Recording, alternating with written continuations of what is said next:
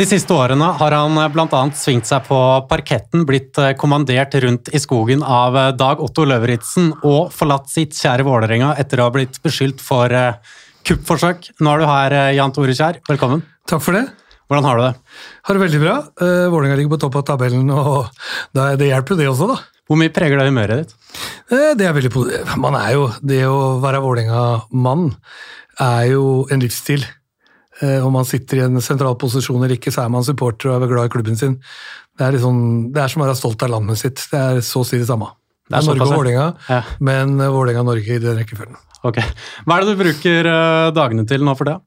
Nei, Mye jobb. En del reising med jobb også. Og så er det det å være Se på litt kamper og Jeg skal til Stavanger denne uka for å se Vålerenga spille bortekamp. Og kombinerer det med jobbmøter samtidig. Da. Så utnytte litt av begge deler. Mm. Vi skal inn på den eh, Stavanger-kampen her, men sist gang du var her, så hadde du akkurat kommet tilbake til uh, Vålerenga, og ikke mange måneder senere så ble du styreleder. Jeg har lest det at den gangen så ville du ikke fortelle kona di at, uh, at du var tilbake. Hvorfor det? Nei, men Det er fordi at det krever mye tid. Men nå krevde det ikke så mye tid i utgangspunktet. Det å sitte i styret i klubben i Vålerenga er mye mindre enn det egentlig folk tror.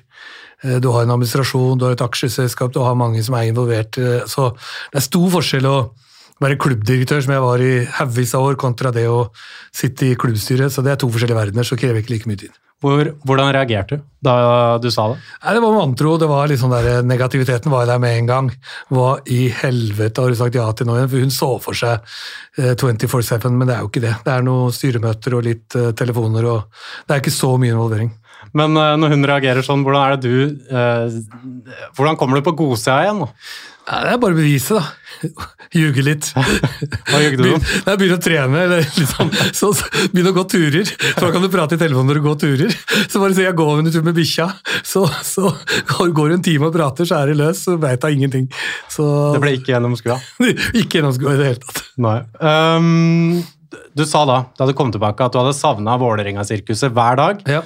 Eh, men at du hadde sovet eh, bedre de årene enn en tidligere, da når du var i klubben og at du gjorde deg selv en stor bjørnetjeneste. Hvordan var det å komme tilbake? Eh, det å komme tilbake var jo egentlig mye annerledes enn det jeg trodde. Jordal Amfi, ny arena. Utgangspunktet en sikrere økonomi i forhold til det med å ha uh, aksjonærer bak der. Og så kom vi inn i en koronatid hvor det var fantastisk bra støtteordninger fra det offentlige i Norge. Eh, som gjorde at eh, idretten hadde råd til å drive uten bekymringer, faktisk. Så det var utrolig positivt, og det er all ære for eh, regjeringa i, i koronatida. Du sa den gangen at de kanskje måtte bygge ut premieskapet. Det gikk ikke helt sånn. Hvordan, hvordan var perioden? Perioden var prega litt av at vi hadde et aksjeselskap som, som styrte hele klubben. Ansatte trenere, sportssjefer, spillere osv. Eh, mens idrettens dualmodell sier noe helt annet, at man ikke skal drive sånn. Men eh, så lenge det skjer jo, vi leser at det skjer i andre fotballklubber, ishockeyklubber, at det er aksjonæren som styrer, og så lenge forbundet godtar det, så er det jo for så vidt greit. Ofte er det sånn de som dytter penga i et produkt, de ønsker å være med å styre, men uh, Norges idrettsforbund lover sier at de ikke skal gjøre det. Men så lenge de godkjenner det, så er det jo for så vidt greit. Mm. Vi har hatt saker om det her tidligere, og aksjonærene har jo har jo nekta for det. Um, hvordan var forholdet mellom dere? Forholdet mellom oss var veldig anstrengt. for eh, Det hele begynte med liksom at eh, samarbeidsavtalen mellom eh, klubb og, og, AS ikke var i orden. Uh, det er en del ting vi måtte rydde opp i, formaliteter osv. Og, så og, og så utspilte det seg jo en sånn derre diskusjon hvor aksjonærene ønska å styre klubben, og de ønska å kvitte seg med enkelte personer og spillere. Eh, som de egentlig ikke hadde noe med å gjøre, for de har ikke arbeidsgiveransvaret. Det ligger jo i klubben. Og da tilspissa det seg en sånn greie med at vi i klubben vi ønska å ha en, ha en, kontinuitet i det vi skulle ha framover, og hadde en langsiktig plan. Og, og de ønska noe annet, og da blei det en, en, konfrontasjon ut av det. Så du følte at uh, at du ble litt låst? da, At du ikke fikk gjort det du skulle pga. aksjonærene? Nei, men Nå var ikke det min jobb heller. Jeg kommer som styreleder, og, og, jeg kommer inn som styreleder fordi eh, vi skal ta med oss litt av erfaringa og de positive tinga. Eh, I en idrettsklubb er det alltid administrasjonen som skal styre klubben. Styret skal aldri hvis, hvis, klubbstyret går ned i detaljer på fritida si og skal styre en hockeyklubb eller en idrettsklubb, det er feil. Det, selv jeg som hadde vært i klubben så lenge tidligere, jeg er ikke hands on. Jeg er ikke i garderoben, jeg snakker ikke med spillere, jeg ser ikke alle kampene på den måten. Du er litt ute av det når du sitter på den sida. Eh, og da mener jeg at du som styreleder ikke skal gå inn detaljstyre. Det hadde vi både trenere og sportssjefer og andre type stillinger til å håndtere, som vi da Uh, stolte på og stole på. Sånn skal idretten drives. Den skal drives av en administrasjon som er profesjonell. Til enhver tid skal vi i styret enten gi dem tillit eller ikke tillit. Har de ikke tillit, så må de byttes ut. Har de tillit, så får de være der. Akkurat på lik linje som når du sitter i et styre. Mm. Før forrige sesong så, så det veldig lyst ut. Eh, vi i TV 2 spådde Vålerenga på topp. Eh, Kenneth Larsen var tilbake. Hvordan, hvordan opplevde du den tida før seriestart? der? Før seriestart så følte jeg at vi hadde et sterkt lag, eh, og det hadde vi også. Vi hadde jo virkelig troa, og vi hadde jo ønske om å forsterke litt mer underveis også. Vi hadde jo åpne plasser også. Så, sånn sett så hadde vi virkelig troa på at dette skulle gå veien, men så er det jo litt sånn Idretten er, idrett er idrett. Man kan ikke styre både skader og det er masse mennesker å gjøre. Du skal få et team til å, å lykkes i fellesskap, men det var ekstremt mye skader i forrige sesong. Eh, vi hadde vel mer skader av alle klubbene totalt sett i forhold til statistikker og sånn, så, eh, men sånn er det. Mm. Eh, du er avhengig av alle friske for at du skal vinne. Kenneth Larsen, ja. 21 runder eller noe sånt ja. før han måtte gå. Hvor involvert var du i den prosessen? Uh, skal jeg si involvert i prosessen. Kom et, det kom til et punkt hvor det ble forelagt for meg eh, at det øns ble ønske om endringer. Og da er vi tilbake til om man ønsker man å eh, Gir man tillit, eller har man ikke tillit til de menneskene som håndterer det? Og man velger, så lenge man gir tillit, så må man støtte det valget som tas underveis. Hvordan går det inn på deg å være med i sånne avgjørelser om å sparke noen? For eksempel? Nå var det ikke jeg som gjorde det, men jeg var støtta det, eh, og, og, støtter alt som ble gjort sånn sett. Men klart det er jo vondt å sitte i etterkant og si at man får skylda for alt, fordi folk tror at det er jeg som har gjort alt mulig rart og flydd rundt i ganga og holdt på. Det er ikke sånn det er. Administrasjonen styrer en idrettsklubb, så er det oss i styret. Vi kan enten gi tillit eller ikke tillit. Og vi eh, ønsker jo selvsagt, vi har sterke meninger. Eh, ønsker vi å overtale noen i administrasjonen til å mene noe annet, så enten klarer du det eller klarer du ikke. og Da er tilbake til tillit. Hvis du har tillit til hverandre, så er man enig i det valget man tar. I mars så ble du og Rune, Rune Syversen beskyldt for eh, kuppforsøk. Hvordan var det å plutselig lese sånt? Jeg må si Det var litt sånn overraskende å lese de, for det, for det, hele bakgrunnen for det ble også feil. Eh, det ble referert til et, et vedtak på et årsmøte to år før, dvs. Si før jeg ble styreleder at uh, offboarding av spillere de var ikke fornøyd, og sånn, men det var før vi kom inn i klubben. Så det at spillere ønska en annen offboarding og bedre kontakt med administrasjonen både når de kom inn og ut av klubben, hadde jo med at AS styrte det. så Da var det jo AS som styrte alt sammen, og det ville de vekk ifra. Så det vedtaket ble brukt mot oss sånn sett. Men, men uh, da det kom til det punktet vi kom, så er det jo penga som rår. Og, og, og når man ikke lykkes Vi lykkes ikke sportslig, vi ryker ut i kvartfinalen. Uh, utad så fremstår det som kaos mellom uh, AS og klubb, og det var også. Vi var ikke enige. Vi var ikke på bølgelengde på hvordan vi skulle drive framover. Og da blir det jo tatt noe grep som gjør at vi blir valgt ut av klubben, og da er vi tilbake med tillit. Da du ikke har tillit, da er det bare å pakke bagen og gå. For deg som Vålerenga-mann å bli beskyldt for sånt av egne supportere, går det inn på det? Klart det går jo inn på det, litt sånt noe, men, men samtidig så er det sånn Eh, jeg har vært der så lenge og vet at det går i bølgedaler. I ene øyeblikket så er du helt, og det andre øyeblikket så er du Uh, kanskje ikke fienden, men så er det noe gærent med alle blir kvitt deg. Sånn er jo idretten. Er man trener, eller man er spiller eller leder, supportere snur seg både mot trenere og spillere og ledere til enhver tid. Og det er sånn idretten på godt og vondt er. Eh, man blir ikke noe mindre glad i klubben av den grunn. Jeg er kjempeglad i Vålinga og føler at jeg kan gå på hockeykamper med heva hode og er stolt av det. Jeg er stolt av klubben. Eh, resultatet av det som skjedde, er jo faktisk at aksjeselskapet har steppa opp og tar litt mer risiko økonomisk og satsa. Det ser vi på spillestallen nå i år. Den er sterkere enn noensinne. Eh, og det betyr jo at det kom noe godt ut av det her da, for Vålerenga som klubb og sportslig, og vi ligger på toppen av tabellen. Eh, så det betyr jo at eh, det er aldri så, det er aldri så gærent at det ikke er godt for noe.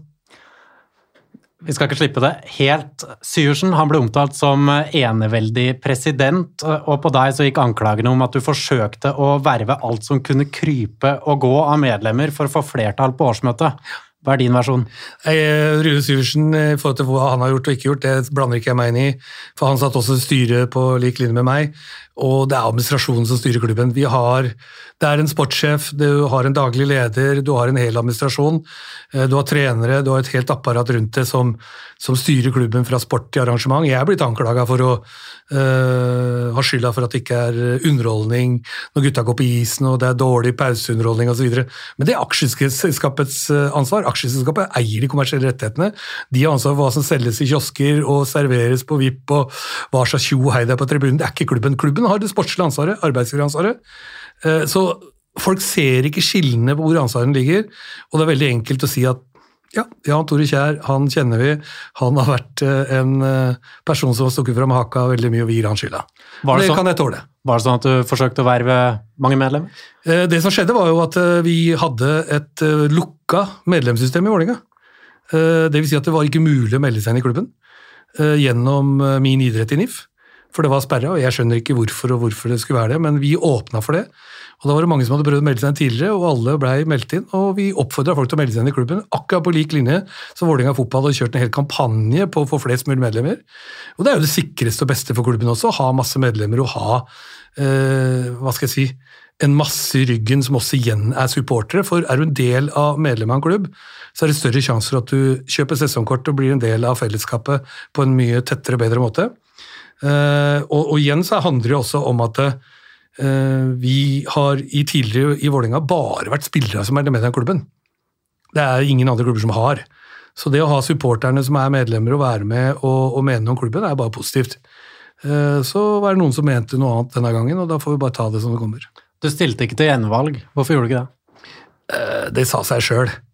Eh, kritikken og måten eh, spesielt de som representerer klanen, gikk ut, så var det helt uaktuelt. Det er ikke vits å stå på barrikadene og slåss for uh, å bidra når flertallet mest sannsynlig ikke ville ha deg der.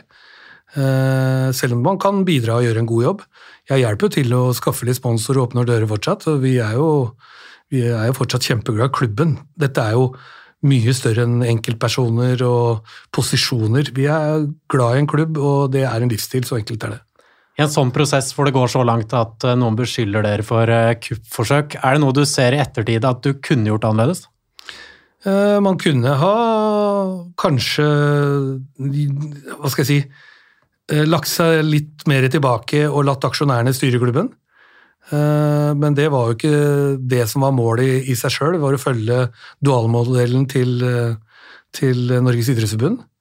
Hvordan den drives i dag, vet jeg ikke, for det er ikke detaljer, detaljer men men når folk sier at Jan Tore Kjær styrte klubben og bestemte alt, så regner jeg med det sitter klubbstyret der i dag som har ene og alene personalansvar for alle spillerne, og det er de som styrer klubben. Man leser ikke om dem, men mest sannsynlig er det noen som gjør det, og det er jo bare positivt det òg, at de ikke er så fremtredende som det vi var. Det har skjedd mye i klubben etter at eh, du var eh, offisielt ferdig der, da. Um, blant annet uh, Sjampo, Frikk Hjul, Steffen Søberg har forlatt klubben. Brede Cissar har både kommet og gått. Fredrik Andersson og Mats Trygg leder laget. Og Anders Myhrvold er leder i det sportslige utvalget. Hvordan, hvordan ser du det som har skjedd? Eh, se på tabellsituasjonen, så er det jo ikke negativt sånn sett. Men nå har vi jo klubben i seg sjøl gira opp litt, og det ser man på signeringer. Vi ser på Bexia med Auk osv., så, videre, så det er jo steppa opp rimelig bra. Og det at uh, Tuben kom til å gjøre en fantastisk sesong, eh, det hadde vi jo troa på. Han har jo vist tidligere at han er en fantastisk god keeper. Uh, og det er ikke til å legge skjul på, og det er han fortsatt. og det har han jo virkelig. Hadde det ikke vært for Tuben, så hadde ikke Vålerenga ligget der de ligger på tabellen i dag. For han har redda mange kamper.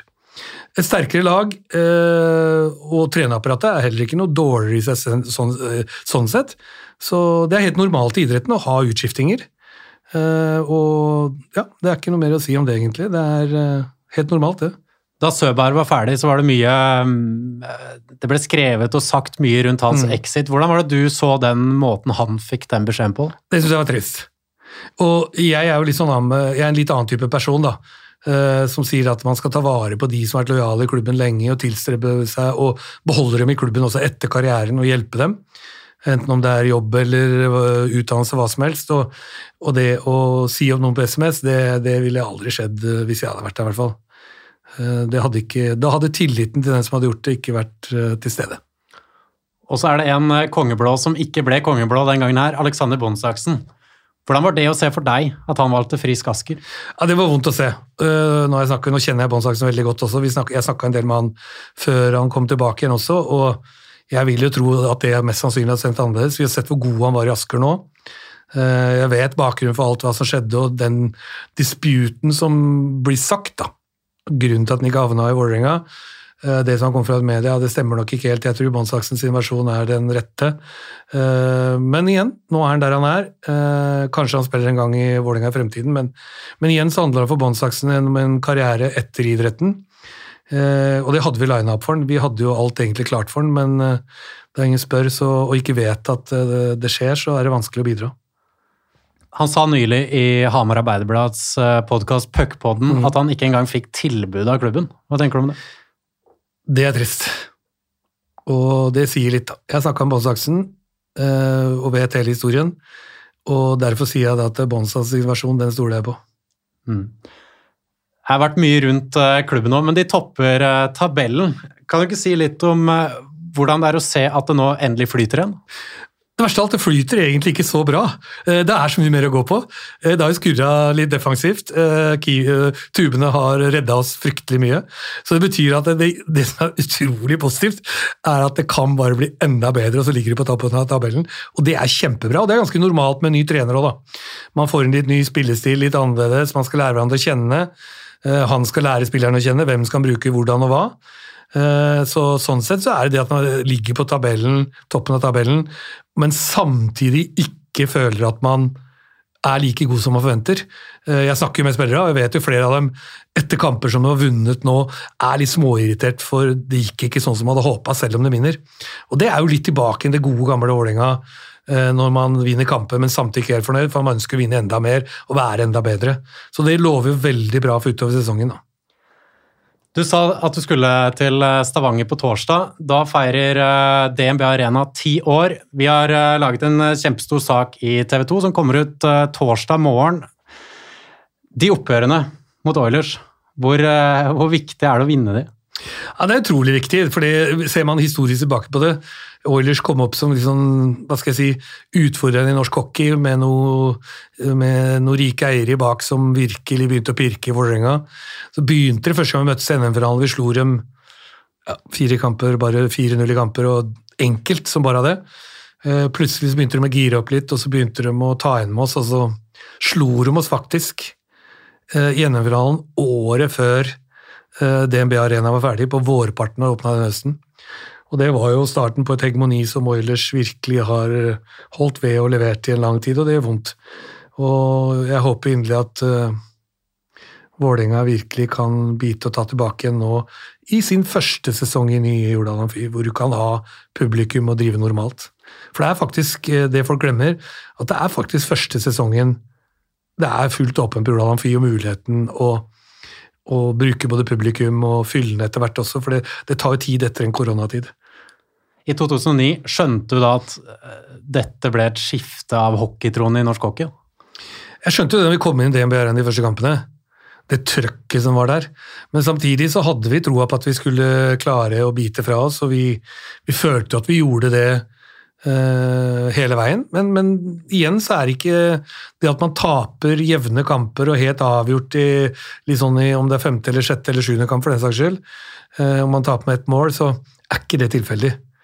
Det er uh, som oftest det beste laget som vinner, selv om det er fryktelig jevnt i alle kamper, så er det det beste laget som vinner til enhver tid. Og Oilers var det beste laget hele veien. Jeg tenkte vi skal ta noen eh, lyttespørsmål også. Hanna Hole har spurt uh, deg. Uh, hva er det du synes om at uh, Vålerenga har gitt Rasmus Arendal en ny sjanse? Jeg må si jeg ble meget overraska, men samtidig så kjenner ikke jeg historien så godt, for det skjedde før min tid. hva som skjedde i Vålerenga. Jeg bare vet at han dro derfra med Det var litt tjo og hei, og det var negativitet, og det hørte jeg også fra spillere etterpå. Og det som skjer på Hamar, eh, det hører ikke idretten hjemme. Hva slags vurderinger Anders Myhrvold og de sportsstyret til Vålerenga ishockeyklubb har tatt, det veit jeg ikke, så jeg tror ikke jeg skal uttale meg så mye mer enn det. Men de har tatt en vurdering hvor de mener at det er greit, og da ja, får vi som er supportere ta det til etterretning. Mener du at han fortjener en ny sjanse i klubben? Jeg skal ikke spekulere i det, det er for de som har tatt den vurderinga. For de har snakka med henne. Jeg har aldri snakka med Rasmus Arne i mitt liv, faktisk. For han var ikke der når jeg var der. Så jeg kjenner han ikke, jeg vet ikke hva han har sagt og hvor han har forklart det. Så det må egentlig de svare for, de som har møtt den. Så jeg, jeg syns det er litt urettferdig at jeg skal uttale meg noe om noen jeg ikke kjenner, og historien, uten at jeg har lest det bare gjennom media. Eh, det er et valg Anders Wyrmold og, og de som har tatt beslutningen, må stå for. Nikolai Bråten spør om hva, er det, hva var det beste og verste med å jobbe i Vålerenga? Det beste var fellesskapet. Eh, når vi snakker om jobbe, så var det å være klubbdirektør det var desidert det beste. Det å vinne og tape sammen, faktisk. Og folk tror at det, det å tape er det verste. Det er ikke det, faktisk. For det å tape gjør at man blir skjerpa og ønsker å vinne på nytt igjen. Eh, det verste er enhver tid eh, jobbe opp og bakke, bekymringer for økonomi, eh, jobbe i en klubb som er prisgitt både supporter og sponsorer, og du vet aldri hvor bra det egentlig skal gå. Da. Det ser vi jo erfaringsvis fra alle klubber. At eh, du er avhengig av å ha noen som garanterer litt for økonomien eh, for at man skal få det til å gå rundt. For er en tidlig exit, det er dårligere med publikum osv., så, videre, så gjør det vondt, og du sliter, og det ødelegger også neste sesong. Det, altså, det mest negative med å jobbe med idrett er økonomi. det har du fått kjenne på. Det har jeg fått kjenne på mange år. Ja.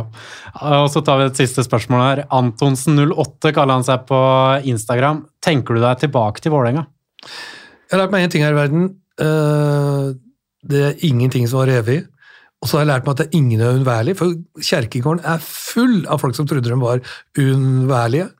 Eh, så, men igjen, hvis man blir kalt til tjeneste, så stiller man. Det er som når landet ditt ber deg stille, stille opp for landet, så gjør man det, og det samme gjør i Vålerenga. Så hvis det skjer noen gang, så skjer det. Skjer ikke, så skal jeg være en lykkelig supporter som eh, ser Vålerenga vinne og håper at det kommer masse kongepokaler inn. Så det må bygges et svært Nå er det ikke noe kongepokalskap, men at det bygges et svært et. Vi skal legge bort uh, Vålerenga litt og snakke litt mer om uh, deg. Du har vært med i mye reality-TV, bl.a. Uh, Skal vi danse, Iskrigerne, uh, Kompani Lauritzen og Sofa. Reality, ja ja. Men uh, hva er det som gjør at du blir med?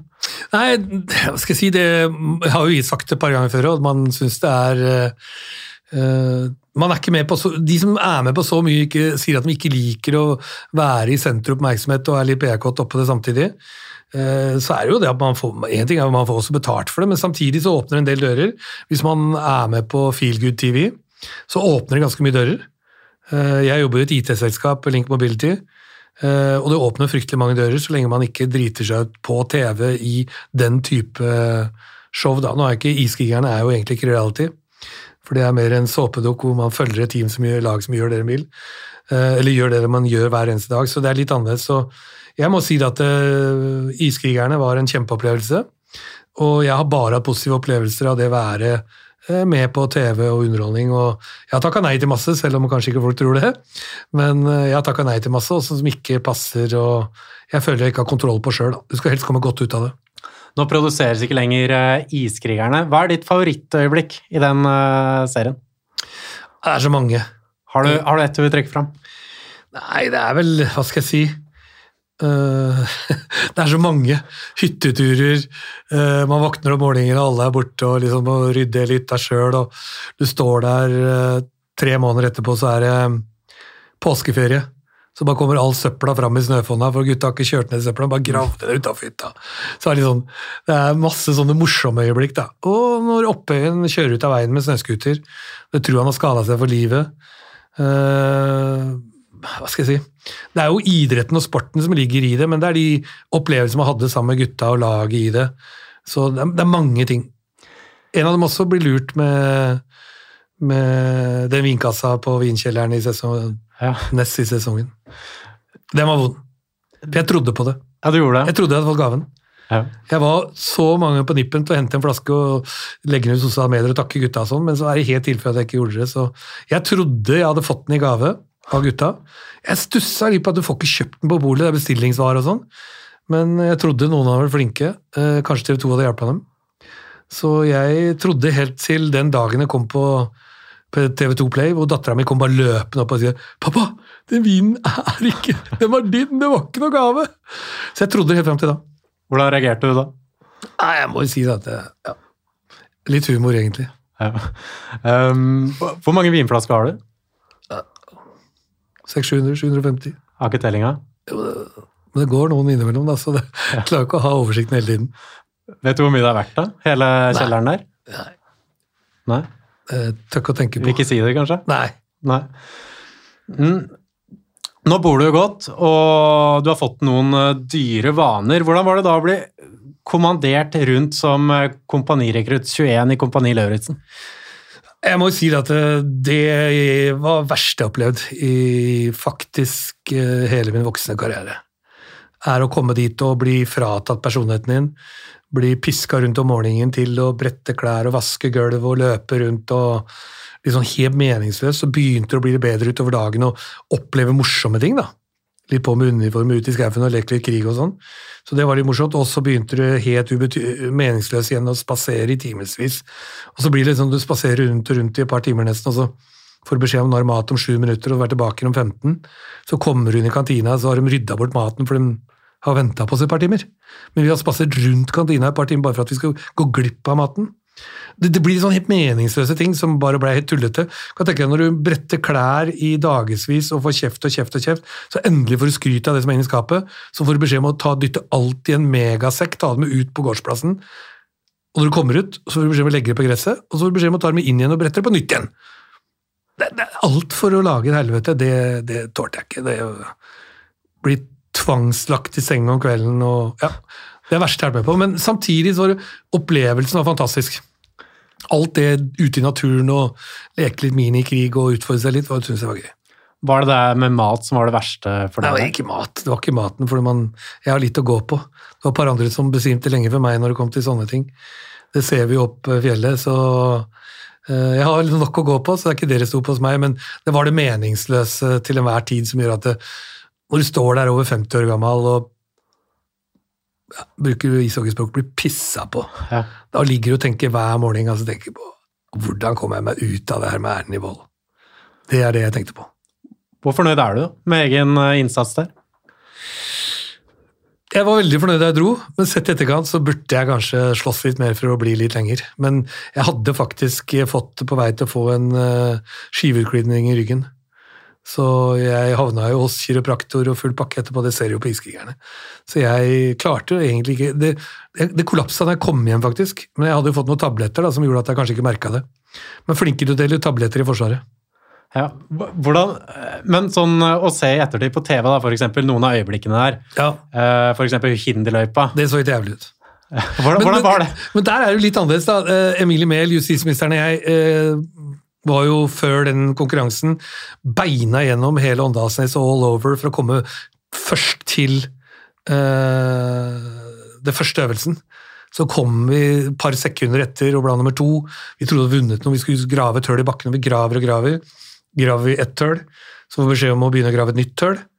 Og da vi er halvveis ned i hølet, så kommer det neste laget, da, med tre og fire. Så får vi beskjed om å fylle igjen det hølet vi har gravd. Og så har jeg gravd så jeg, har krampe i. Det- Jeg holder på å besvime, jeg er så sliten, for jeg trodde det var en konkurranse. Og så vi har holdt på et par timer da. Da sier de bare at ja, da er vi ferdige, dette betydde ingenting. Det ble ikke utdelt et poeng, det ble ikke noe som helst. Så skal vi marsjere rundt et par timer, og så kom du til Inderløypa. Da var jeg helt ferdig. Jeg trodde jo det var den øvelsen. Normalt var det en øvelse per dag, men det var jo ikke det. Den øvelsen vi gjorde, det var bare forsmak til hinderløypa, og da var jeg helt ferdig. Så du sto der helt ferdig og visste at du skulle ut i hinderløype. Da, du var ikke sånn Du gleda deg ikke veldig, kanskje? Nei, da var jeg sliten. Jeg, var helt, jeg skalv i armene, for jeg hadde gravd så fælt og trodde vi vant noe. Og det gjorde vi ikke. Hva var beste opplevelsen da inne der? Nei, Jeg må jo si det at det med å, å dykke i fjellvann, Eh, fjellet liksom der, eh, Mye av det rundt det syns jeg var dødskult. Hoppe ut ifra tårn og gjøre sånne morsomme ting. Men klart, det som også drar en ned igjen, er igjen det blir fratatt personligheten og all ventinga. Det som ikke kommer fram på TV, er liksom vi dytter biler og sånn rundt. Og så prøver å fortelle en, en ung sersjant er bare sånn Kan du ikke oppføre pent med oss? Kameraene er, er ikke her engang. Hold kjeften på deg! NO20! Det er sånn, ja, men det er ikke kamera engang, vi lager TV. Vi lager faen ikke TV, dere er det her, vi er her for å lage TV, det er kjøtthue. Og så, og så blir du bare pissa på likevel og hersa rundt, så må du være med og spille litt, og så merker du at du bare blir mer og mer irritert og bygger seg opp. Og det merka jeg på meg sjøl, at det, det jeg aldri opplevd for meg sjøl, at jeg faktisk bygde opp en sånn irritasjon som gjorde at jeg ble negativ i huet og lå og tenkte på hvordan jeg skulle komme meg hjem.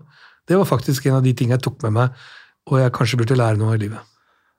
Du var en av de som var der som hadde vært i Forsvaret før. Hvordan var det sammenligna? Jeg kan ikke sammenligne, jeg var i Forsvaret i Det var ikke lange tida.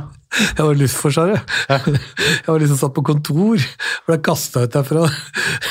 Var liksom, jeg har ei natt i telt, og da spiser vi pølser på kiosken bortpå der, så jeg var ikke i Forsvaret. altså. Er riktig at du under rekruttida di betalte andre medsoldater for å ta nattevaktene dine. Det stemmer. Vålerenga betalte, jeg fikk penger av Vålerenga for å betale medsoldatene. Og så helt på slutten, like før jeg skulle dimme, så ja, hadde jeg vært ute på byen en tur på fylla, og så forsov jeg meg. Så kom jeg for seint, så hadde jeg permuniform med hvite sokker, og sånn, så var generalen for Luftforsvaret på besøk den dagen. Og da ble MP-sjef forbanna. Jeg hadde parkert bilen på plassen hans og sånn. Og da gikk han inn i Han visste jo om dette, da. Så for å ta meg, så gikk han jo inn i loggboka og Kjære, du har ikke hatt én døgnvakt. Så hadde jeg 30 dager inne i Forsvaret, så hadde jeg 21 døgnvakter. Da var det bare å finne på hva som helst for å komme seg ut. Av all den her, um, alle disse TV-programmene, er det noe du angrer på at du, at du har vært med på? Ikke sett i ettertid, men midt oppi det så var det litt sånn Ja, Kompani Lauritzen står der, men samtidig så var ikke det så gærent som egentlig lørdagene på Skal vi danse. Du var ikke sånn veldig Å svinge seg på parketten var ikke noe for deg? Jo, jeg, jeg syns det var gøy øh, og alt mulig rart, men når du står der live på en lørdag, og, og generalprøver og alt har gått til helvete på første klasse for kjeft av dansepartnerne, og du tenker at nå driter jeg meg ut foran hele Norge, og det er liksom der en nedtelling til øh, livesending, og du føler at du ikke er god. Eller jeg visste, jeg er jo ikke noe god, jeg var ikke noe flink, men du føler at du ikke klarer å gjennomføre selve dansen. Du tenker på klarer jeg å gjennomføre dansen i forhold til steg og sånn i tillegg. Og det bare står og sier til deg sjøl at hvor tjukk går an å bli og sette seg i en sånn situasjon. Eh, Men igjen, sett i ettertid, så var, er det jo et godt minne. eh, Og jeg syns det var dritkult sett nå i ettertid, men jeg sto der på lørdagene, så var det helt jævlig. Så utover det Sofa sammen med Glenn er jo en gave å sitte og kødde med Glenn og ha det gøy. Det, er- det syns jeg er dritmorsomt. Sitte og se på TV og kommentere TV og andre. Det passer deg godt. passer meg perfekt. Ja. Og så tenkte jeg å høre med deg, Du har truffet med en god del eh, investeringer og også tjent ganske gode penger eh, de siste åra. Hva er din dårligste investering? Nei, det er vanskelig å si. Eh, Det handler kanskje ikke om penger. Dårligste investering er ikke penger. penger. Hvis du investerer i aksjer eller gjør noe, så har du ikke tapt pengene eller tjent pengene før du realiserer dem. Og det er viktig å ha med seg til enhver tid. Når du har penger på konto, er én ting. Eh, Du skal skatte av dem også, da er det pengene dine. Det er det mange som glemmer. Så pengene er tjent, det er dine penger. Etter at de er ferdig skatta, da kan du bruke dem. Så jeg har ikke noe beste og dårligste. I stad var du inne på det at du fortsatt uh, forsøker å hjelpe til litt rundt Vålerenga. Hva er det du bidrar med? Jeg snakker jo mye med, med administrasjonen, og spesielt Glenn, da, i forhold til sponsor og, og hvem som kan være med og bidra litt osv. Husk at veldig mange av de sponsorene som er der nå, er jo sponsorer som er der fra min tid som klubbdirektør, som jeg var med å selge. Og så er det mange andre nye der ute, og så prøver vi å hjelpe til litt uh, underveis. Er du på alle kampene? Har ikke hatt muligheten å reise veldig mye, eh, men jeg følger med, ser eh, enten om jeg er ute og reiser eller er hjemme. Så det, men eh, klart prioriteringer blir litt annerledes. Det er vanskelig å si til kona at eh, sånn som nå senest på lørdag mot Lillehammer, så skulle vi i bursdagslag til svigerfaren min. Det er litt sånn Jeg klarer ikke helt å vinne den fighten med at jeg må på Jordal og se en hockeykamp. Eh, hadde jeg vært styreleder, så hadde jeg kunnet sagt at jeg måtte. Ja. Jeg må! Og da hadde jeg vunnet den fighten, men jeg klarer ikke det på de ordinære lørdagene eller søndagene nå. Er litt godt for henne kanskje at du ikke lenger er eh, i klubben? Det er nok sikkert, men samtidig så er det sikkert deilig å bli kvitt meg innimellom òg. Ja, det kan godt hende. Men du, nå fremover. Um, hvilke planer har du? Hva er det du jobber med? Har du noe, er det noe ny TV-program, f.eks.? Kommer nok garantert noe. det er bare å følge med på Det kommer sikkert noe. Er det lenge til? På nyåret. Mm. Tror du Vålerenga blir norgesmester? Eller neste år, da. Til våren. Denne sesongen Mm. så tror jeg faktisk det er en stor mulighet. Eh, For jeg ser eh, at eh, laget har mye mer å gå på. De har vunnet og ledet tabellen tross at det ikke er 100% Alle har mye mer å gå på. Som jeg så sa, var trenere og spillere har fortsatt mye å lære hverandre å kjenne på. Det er kvalitet i alle ledd, og, og de har en av de bedre lagene på papiret av alle. Det ser vi jo. Så jeg har virkelig troa hvis, de, eh, hvis vi klarer å holde oss skadefrie Får du sånn marerittskader som i fjor, så er det jo veldig vanskelig. For du klarer ikke å erstatte det underveis. Hvor godt hadde det vært å stå på Jordal og, og se laget bli norgesmester? Det har vært helt fantastisk. Et fullsatt Jordal Amfi og kongepokalen til Vålerenga, det, hadde vært- det er jo en drøm, da. Det er jo en drøm vi har hatt eh, alle sammen som er glad i Vålerenga i mange, mange år. Helt siden i 2009. Det blir veldig spennende. Takk for en eh, god prat. Bare hyggelig.